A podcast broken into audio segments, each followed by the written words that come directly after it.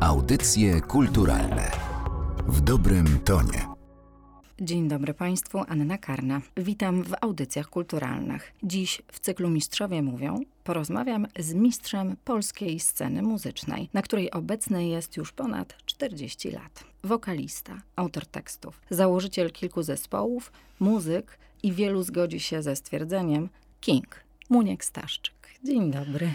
Witam, cześć. Przede mną leży twoja autobiografia o tytule King, do której wróciłam, bo ona się kończy w 2019 roku. Pomyślałam, że może dopowiemy parę słów, co się wydarzyło po tym szczególnym roku dla ciebie, bo ta książka kończy się w momencie, kiedy leżysz w londyńskim szpitalu i piszesz w ten sposób. Równo 30 lat wcześniej, w 89 roku, przyjechałem do Londynu po raz pierwszy, żeby zarobić na dorosłe życie, napisać Warszawę i zostać gwiazdą roka. Dziś w szpitalnym łóżku dziękuję Bogu, że żyję i jestem tutaj obecny na tej planecie.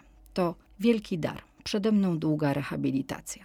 Jesteśmy dokładnie 4 lata po tym wydarzeniu, to też był sierpień. Czujesz się jak powstały Feniks z popiołów?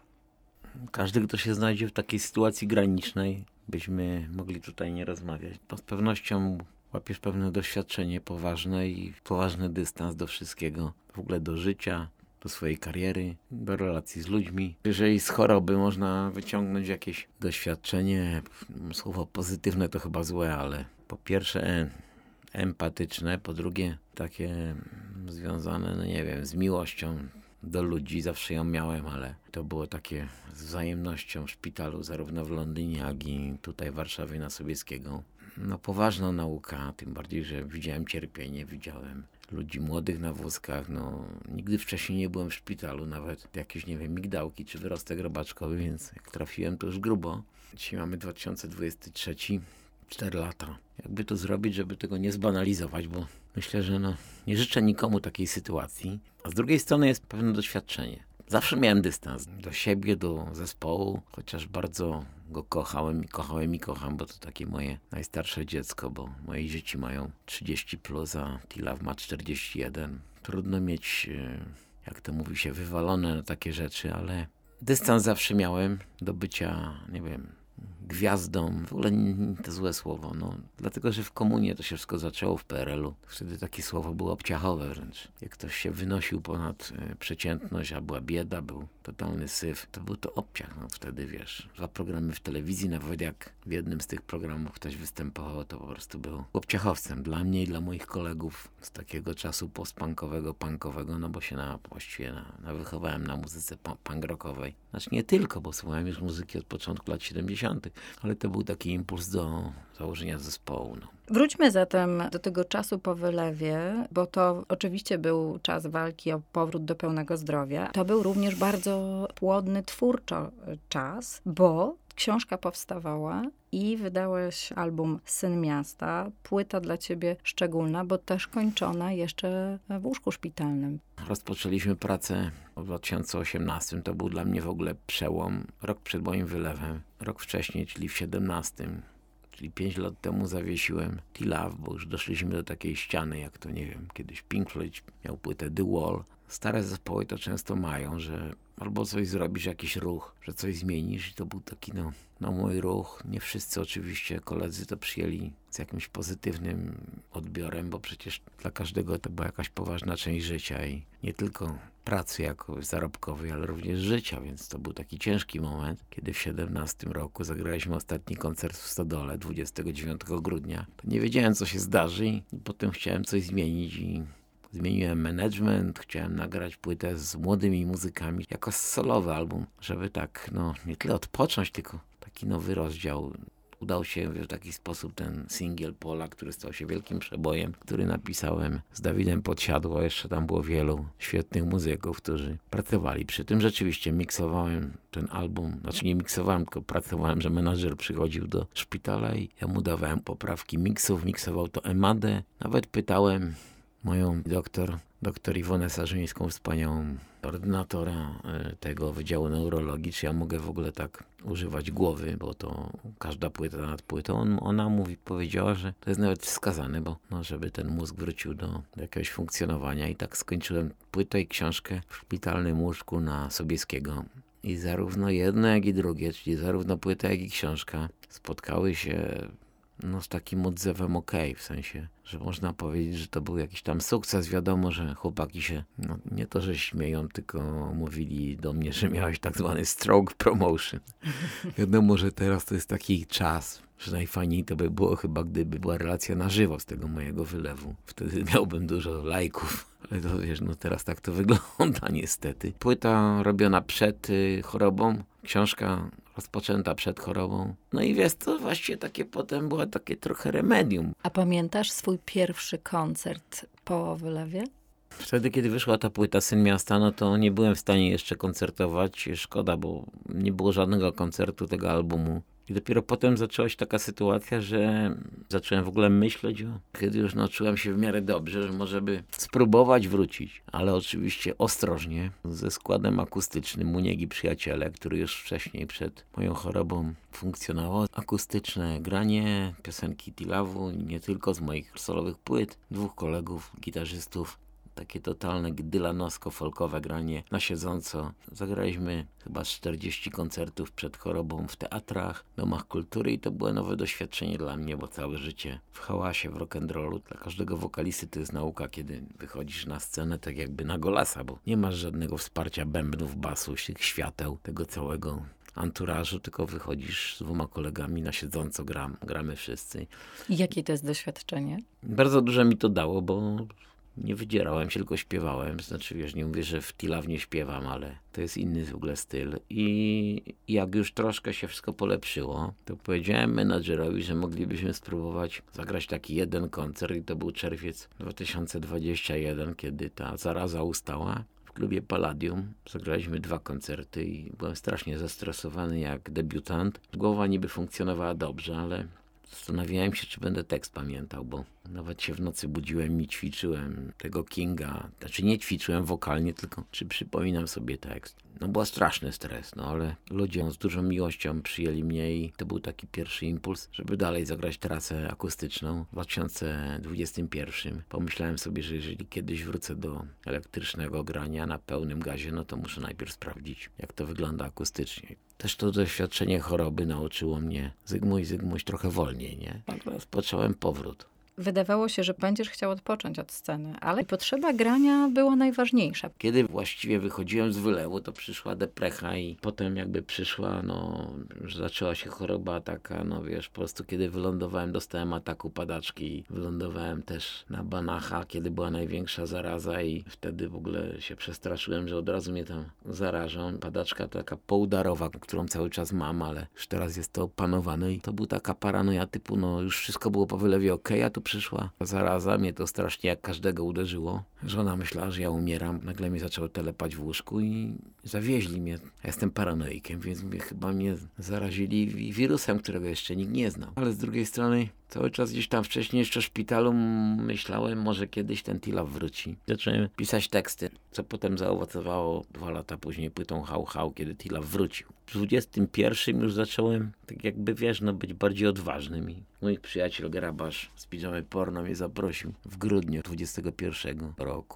Byłem gościem Pijamy Porno. Bałem się strasznie tego koncertu, bo, bo nie grałem 3 lata koncertu na pełnym gazie z gitarami, z bębnami. Byłem zestresowany jak małolat, chociaż znam tych chłopaków z Pijamy i Grabarza. Wyszedłem na tą scenę, a ludzie wszyscy wyjęli komórki, zaczęli robić zdjęcia i poczułem, że mnie kochają. Wróciłem do samochodu menadżera, mówię, stary, czuję się tak jakbym, wiesz, no, maturę zdawał. Dałem radę, nie? Podziękowałem Grabarzowi w ogóle za to zaproszenie i to był pierwszy taki sygnał, że może warto wrócić do pełnego takiego gazu, nie? Reaktywowałeś TILAF w składzie sprzed 30 lat. i świętowaliście 40-lecie działalności zespołu i 30-lecie albumu King. Przez ten zespół przewinęło się ponad 20 muzyków. Ty jesteś tym jedynym, który był od samego początku do dzisiaj. Ta reaktywacja T-Love'u w tym składzie sprzed 30 lat ma trochę więcej wymiarów, bo oczywiście jest związana z jubileuszem albumu King, ale mam wrażenie, że dla ciebie to też jest e, powrót do ludzi bardzo ważnych, ludzi w twoim zawodowym życiu, z którymi różnie bywało. Jest ten taki element, no jak śpiewał, nie wiem, Morrison, Music is my only friend, this is the end. Wtedy pomyślałem sobie tak, jeżeli kiedykolwiek dojdzie do czegoś, to, no to najlepszy skład, wiele było dobrych, to chyba ten z płyty King, który w zasadzie no, sekcją rytmiczną, czyli z Sydneyem Polakiem i z Nazimem Pawłem Nazimkiem basistą to grałem cały czas. Ale jakoś tak zatęskniłem za Perkozem i Jankiem Benetkiem, z którym pisałem piosenki na płytę Pocisk Miłości, czy King, czy Warszawa. Kultowe kawałki. Tilaf to jest Tilaf, to musi być taki gang i dopiero w 2022, czyli rok temu, no, wydaliśmy album i wróciliśmy na, na trasę. A jak zareagowali ci muzycy, kiedy dzwoniłeś i mówiłeś, a może wrócimy? Różnie bywało przez te lata, ale zrobiliśmy kawał dobrej roboty. Spróbujmy jeszcze raz. No, widziałem ten taki błysk, błysk wilczy. Jesteś pewien? No ja mówię, no, no chciałbym, nie? No, podjarka była taka, jeszcze nie chcieli tego tak pokazywać, tak jak nie wiem, kobieta nie chce pokazywać facetowi od razu, się rzuca w ramiona. Ale tu jeszcze było bardzo dużo pracy, bo są stare zaszłości. Janek na przykład, Benedek się trochę tego bał, bo mówił, no ale co ty, no ale to przecież to stara ekipa, to różnie może być. Tilaf to była załoga, wiesz, no koleżeńska i to, każdy z nich jest świetnym muzykiem. No i udało nam się, bo w sumie ten powrót bez obciachu, bo różnie może być ze starym zespołem. Ta świetna załoga, jak mówisz, to kumple, to przyjaciele. Mam wrażenie, że to są takie jedne z najważniejszych e, słów w twoim życiu, bo nie byłoby T-Love bez kumpli. Nie byłoby Muńka bez kumpli. Wychowywałem się na robotniczym podwórku na Rakowie. Przemysłowe podwórko związane z hutą. Wszyscy tam pracowali, mój tata i ojcowie i moich ziomków. Ten punk rock też w tym wszystkim jakoś rezonował i zawsze koleżeństwo. Kiedy tata mi kupił pierwszy magnetofon, taki szpulowy w tej chwili, to jest zabytek. ZK-120T dla ludzi młodych to w ogóle prehistoria, ale zacząłem słuchać muzyki rockowej, głównie radio było wtedy źródłem. Nie były dostępne płyty, to tylko jak ktoś miał jakąś rodzinę na zachodzie. I takie grupy tak zwanych płytowców to były małe, no. Szczególnie w takim mieście jak Częstochowa. Jak w pewnym momencie trafiłem do tego komba, zanim jeszcze założyłem band. Przede wszystkim band rockowy to jest zawsze taka chłopacka historia, bo popatrzmy na nie wczesnych Beatlesów czy na Stonesów, to nie chodzi o wirtuazerię. Czas był trudny w Polsce, stan wojenny, pełna komuna. To wtedy zaowocowało falą świetnych zespołów, zarówno tych punkowych, jak nie wiem, Deserter, Deuter, nie wiem, TZN Xena, Armia, czy takich dobrych mainstreamowych zespołów jak Lady Punk, czy Perfect, czy Republika, Manam oczywiście. To był wysyp wielkich talentów i każdy gdzieś zakładał zespół. Właśnie na podwórku, nie każdy, ale no, my byliśmy tymi osiemnastolatkami, więc tak do dziś jest w zasadzie, no że wiesz, no muzyków dobrych jest wielu. Oczywiście, no ważne jest to jak grasz, ale ważne jest to jak, jak się czujesz w zespole, bo musi być po prostu praca będu i band na scenie musi być bendem, chociaż mamy totalnie różne poglądy, różne spojrzenie na świat, na politykę. Każdy ma inny światopogląd i jesteśmy w różnych klimatach, ale zespół ma być zespołem na scenie. W książce King mówisz takie słowa. T-Love długo był ignorowany przez branżę muzyczną jako niepoważny zespolik. Dlaczego? Zawsze tak balansowaliśmy na granicy kiczu. Oczywiście Pankowcy to łapali jako taką bekę, jak to się dzisiaj mówi, no bo grywaliśmy na przykład kawałek Karuzela, który po prostu śpiewała kiedyś Maria Koterbska, standard z lat 50., czyli z pełnej komuny, w nowej wersji tekstowej i piosenkę Garaż, która przypominała knajpianą muzykę. Potem taką drogą myślę, że podążył Big Cyc i inne kapele. Wtedy nie było to do końca jakby zrozumiane, po prostu obciachowo się ubieraliśmy w jakieś takie spodnie z lat 70., zwane Szwedy. Dzisiaj to młodzież hipsterska się tak ubiera, że wyglądają jak wujkowie z lat 70., jakieś kamizelki i tak dalej, ale wiadomo, że mody się zmieniają. Nie byliśmy taką kapelą sztandarowo-punkową, jak z całym szacunkiem właśnie Deserter. Byliśmy bendem takim nie do końca określonym i nie traktowano nas poważnie. Jajarze, jajarze. Oczywiście te jaja były, bo to była kpina z jakiegoś patosu, nie? Nawet punkowego, ale to miało wszystko taki trochę, ja wiem, Gombrowiczowski smaczek jakiś, Witkacowski. No. A kiedy to się zmieniło? Wyjechałem do Londynu. W 1989 roku zespół się znowu zawiesił. Nie było kasy. Moja żona była w ciąży już z Jankiem, dzisiaj moim synem 33-letnim. Wtedy wszyscy gdzieś tam próbowali wyjechać, żeby zarobić na chleb. Ale wtedy to, no to był taki wyjazd z jednej strony za chlebem, z drugiej strony do właściwie jednej ze stolic rock'n'rolla poza Nowym Jorkiem, no to był tylko Londyn i dobry czas dla w ogóle muzyki. Starałem się ten Londyn jakoś chłonąć. Zacząłem chodzić na koncerty, byłem na Ramones, byłem na Iggy Popie, byłem na... Wtedy żadne zespoły nie przyjeżdżały do Polski. Byłem na Aerosmith, byłem na kapeli Mika Jonesa z The Clash, Big Audio Dynamite. Wtedy zobaczyłem na tych koncertach, że można to wszystko robić profesjonalnie. Wróciłem do Polski. Zaczęliśmy robić nowy T-Love. Powstała piosenka Warszawa, która już w Londynie napisana została z takiej pewnej tęsknoty za Warszawą lat 80. I zaczęliśmy robić płytę. Przebiliśmy się do mainstreamu głównie poprzez Warszawę, która stała się dużym hitem i wydaliśmy płytę Pocisk Miłości, która była świetnie przyjęta i z zespołu undergroundowego staliśmy się zespołem, który wszedł do takiej ligi pierwszej polskiego roka i to był trudny moment, ciekawy moment, bo komuna się skończyła. Tam to znałem tylko z brytyjskich gazet, jak to wygląda. Tutaj upadek muru, tutaj Czałczesku aresztowany. Oczywiście w Polsce przemiany, w całej Europie Wschodniej. To wszystko to rezonowało, jak wróciłem, no to już był jakby nowy czas.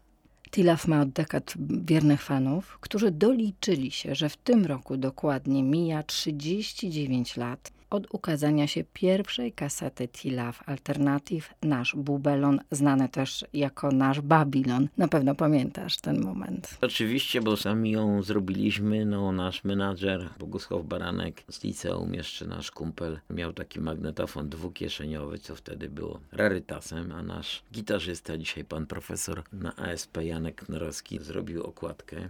Żeśmy tak odbijali na ksero, jak nie wiem, bibułę w tamtym czasie, czyli podziemną prasę w czasach PRL-u, która była zakazana. Zrobiliśmy tych płyt najpierw kilkaset sztuk. Pamiętam, że chłopaki z Desertera byli pod wrażeniem nawet. Mówię, jak wy to robicie, jak wy to robicie? Ja mówię, no tak, tak. No, byliśmy pierwsi chyba. No bo stara pankowa zasada, jak ciebie nie lansują, to lansujmy się sami. Zrobiliśmy to sami i przez te, nie wiem, 3-4 lata zespół zaczął być rozpoznawalny bez systemu, bo ludzie nagrywali, przegrywali sobie te kasety. My je sprzedawaliśmy na koncertach. Za tą kasę mieliśmy, nie wiem, na obiad i na browar. Nie wiem, wydaliśmy chyba tego z kilka tysięcy, ale to się pomnożyło razy trzy. Zaczęliśmy być znanym zespołem, tak jakby oddolnie. No fajnie, że ktoś o tym pamięta. To była taka, wiesz, no, żmudna, mrówcza praca, ciężka taka chałupnicza robota.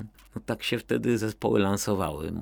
Tilaw absolutnie wyszedł z undergroundu i no to jest, można powiedzieć, wielki sukces, że jest w tym momencie teraz, w jakim jest. Był Londyn, była piosenka Warszawa, był ten album, który otworzył przed wami zupełnie inną, nową rzeczywistość. I w latach 90. przyszedł ten największy sukces e, komercyjny, czyli Chłopaki nie płaczą, ale przecież jeszcze po drodze tworzyło się różne inne przestrzenie muzyczne, bo był album Szwagier Kolaska, no niemal chyba z każdego polskiego domu było słychać te piosenki, nie tylko u cioci na imieninach. To były te szalone lata 90 to wtedy możesz powiedzieć, że czułeś się jak król świata, ten tytułowy king? Wszystko się zmieniło w Polsce. Zaczęliśmy zarabiać pierwsze pieniądze. Płyta Pocisk Miłości, a King odniosła sukces. Lata 90. były bardzo hedonistyczne. To było takie nadrobienie jakby, no nie wiem, lat 60. i 70. na zachodzie. No bo tutaj była PRL, po prostu się rozpadł. Pojawiały się nowe knajpy, nowe miejsca pojawiły się narkotyki, pojawiło się wszystko. No, zespół zaczął odnosić sukcesy i zarabiać pieniądze. No, mieliśmy wszyscy w okolicach, ja byłem najstarszy, w okolicach 33,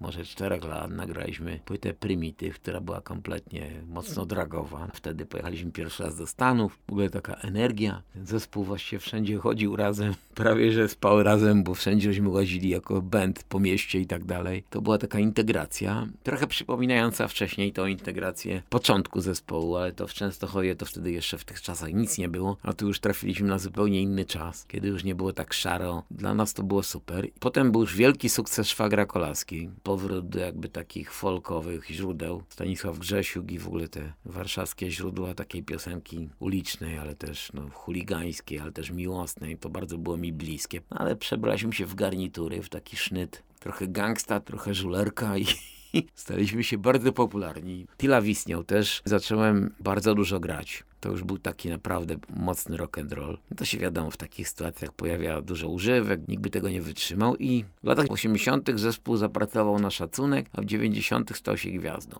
A jaka była twoja cena takiego rock'n'rollowego życia? No jak na mnie to stosunkowo mała, bo nie rozwiedliśmy się, nie opuściła mnie rodzina, nie zaraziłem się jakąś, wiesz, chorobą typu AIDS, nie wpadłem w jakieś ostre dragi, wpadłem w poważny alko, nie stałem się takim jakby, no, jak to mówią po angielsku, retire lunatic, czyli taką gwiazdą roka, która już nic nie kuma. Yy, no, zawsze są jakieś koszta, wiesz, takich rzeczy, no bo nie da się, no, nie jest to łatwe, ale cena, no. Potem ten wylew, na pewno była jakaś taka kumulacja różnych rzeczy, chociaż lekarze powiedzieli, że to jest nielieczone nadciśnienie, które oczywiście olałem, to jest taki cichy zabójca nieleczone plus jechane z dużą szybkością życie, ale nie wiem, czy to akurat Tilaf mnie zabił. Bo kiedy słucha się I Hate Rock and Roll, a potem, kiedy słucha się Old Is Gold, to ma się wrażenie, przynajmniej ja miałam takie wrażenie, że zacząłeś budować się na nowo, że coś się wydarzyło w międzyczasie. I Hate Rock and Roll to była taka płyta na granicy rozpadu zespołu. Z jednej strony do integracji, a z drugiej strony frustracja. Sam produkowałem z Leszkiem Kamińskim tę płytę, bardzo ją lubię, ale no, na nowo, wiesz, wchodziliśmy w dorosłość przyszłość. Oldies Gold jest taką płytą, która zadaje poważne pytania, takie, które sobie zawsze zadawali ludzie. Śmierć, miłość, Bóg, brak Boga,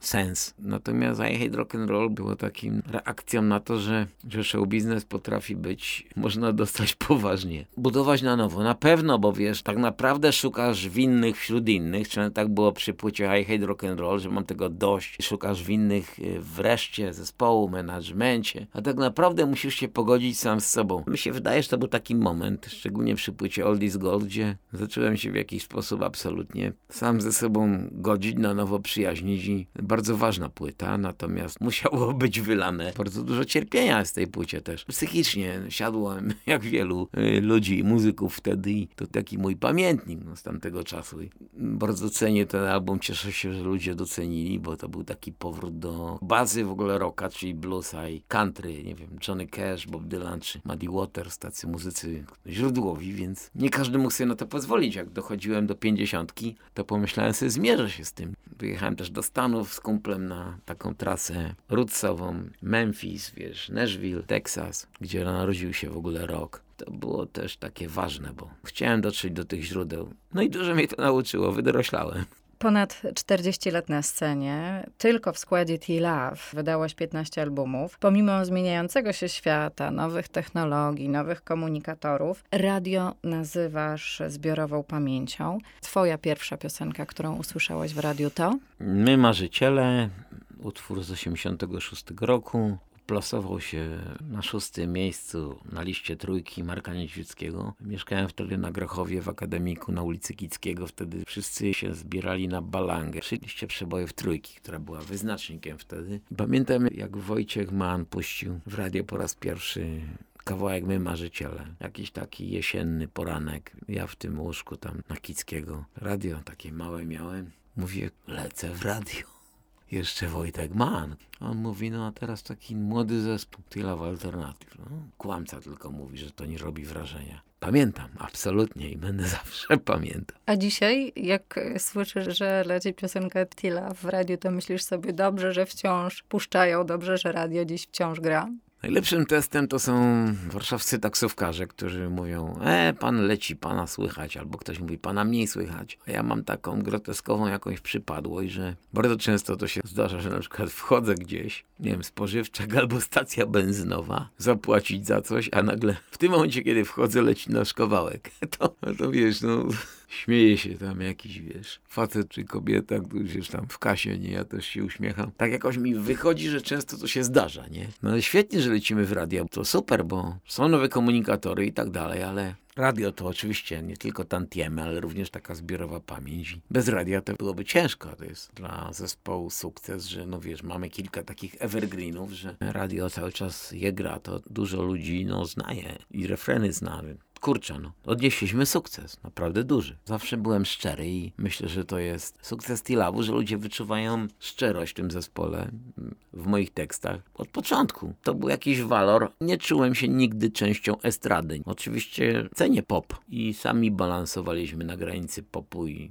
i różnych gatunków, natomiast nie czułem się estradowcem. Czuję się raczej starym odbiornikiem emocji, którą przekazuję ludziom, niż gwiazdą estrady. W zeszłym roku 40-lecie zespołu, a za chwilę, bo jeszcze tej jesieni, będziesz obchodził 60. Szykuje się wielkie świętowanie. 5 listopada w moje urodziny akurat gramy koncert w Krakowie.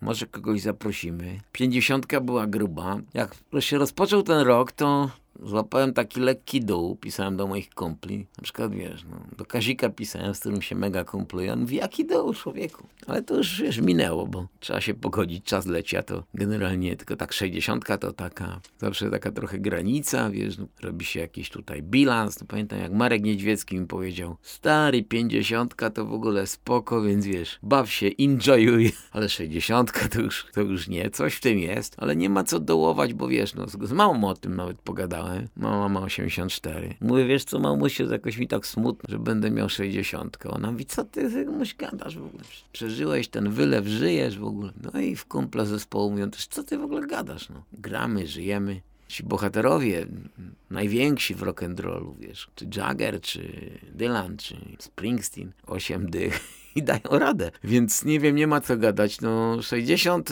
spoko w listopadzie. Jeszcze mam 59, ale już się wyluzowałem. Może z tej okazji wydasz tomik wierszy, bo podobno myślisz o tym. Piszę piosenki, ale wiesz, no też piszę do tych zeszytów coś tam, no. Zawsze byłem bliski słowa i poetów i tak dalej. Gdyby na przykład, nie wiem, nie Breniewski i Tuwim, to bym nie miał jakby takiego odwołania do pewnego rytmu pisania tekstów. No, wiesz co, no, wyzwanie to jest, no bo to poważna sprawa jest, no.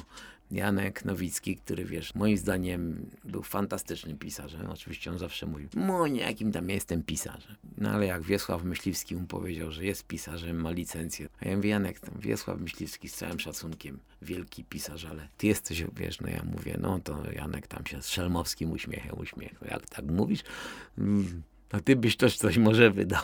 Teraz no wiesz, no ty to mówisz. Pomyśl no dobra, no naprawdę poważnie to biorę pod uwagę. Może i racja, no.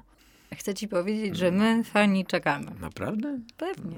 Dziękuję, no nie wiem, no postaram się. Jesteście w bardzo intensywnej trasie albumu How How. Nie mogę nie zapytać o najbliższe plany. Najbliższy koncert jest w Krakowie. Cały czas jesteśmy w trasie od właściwie półtora roku. Promujemy album How How, ale gramy też stare piosenki. Do końca roku będziemy to robić, a od września już myślimy o nowym albumie, który chcielibyśmy wydać w przyszłym roku. Chcielibyśmy wydać mocno rockowy album, jak taka kwintesencja płyty Primitive z płytą King i Pocisk Miłości, tak żeby to było takie źródło Tilawu, no bo rock and roll wciąż żyje. Myślę, że taka płyta będzie dla nas fajna, bo w tym jesteśmy dobrzy, potrafimy grać rock and rolla chcemy nagrać płytę rock and rollową, gitarową. Zaczynamy pracę już po wakacjach. Z okazji urodzin wszystkiego najlepszego z całego serca. Bardzo Ci dziękuję za ten czas w audycjach kulturalnych. Pozdrawiam wszystkich przyjaciół moich i Tilaf. Bez Was nie byłoby nas. Kocham Was naprawdę, to słowo tutaj być może, wiesz, no, nie chcę tego jakoś banalizować, ale jeszcze bardziej kocham, wiesz, no, ludzi po tym wszystkim, co przeżyłem. Wymienialiśmy się taką miłością, że ludzie są wspaniali. Chyba Patty Smith śpiewa People Have the Power, świetna piosenka. I takie są czasy, myślę, że no nie powinniśmy częstować ludzi, wiesz, śmiercią czy deprechą. Oczywiście, wiesz, śpiewać trzeba szczerze, ale ludzie potrzebują jakiejś jasności. Nawet mi teraz ostatnio kumple mówili, tacy co nie grają. Muniek, napisz coś takiego pozytywnego.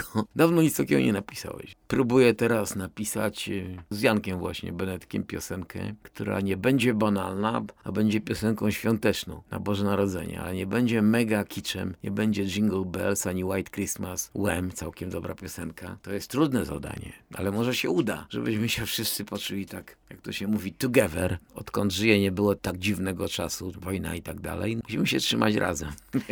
Bardzo Ci dziękuję za to spotkanie. Bohaterem cyklu Mistrzowie Mówią był Muniek Staszczyk. Bardzo dziękuję. Ja też dziękuję. Wszystkiego dobrego. Pa. Audycje kulturalne w dobrym tonie.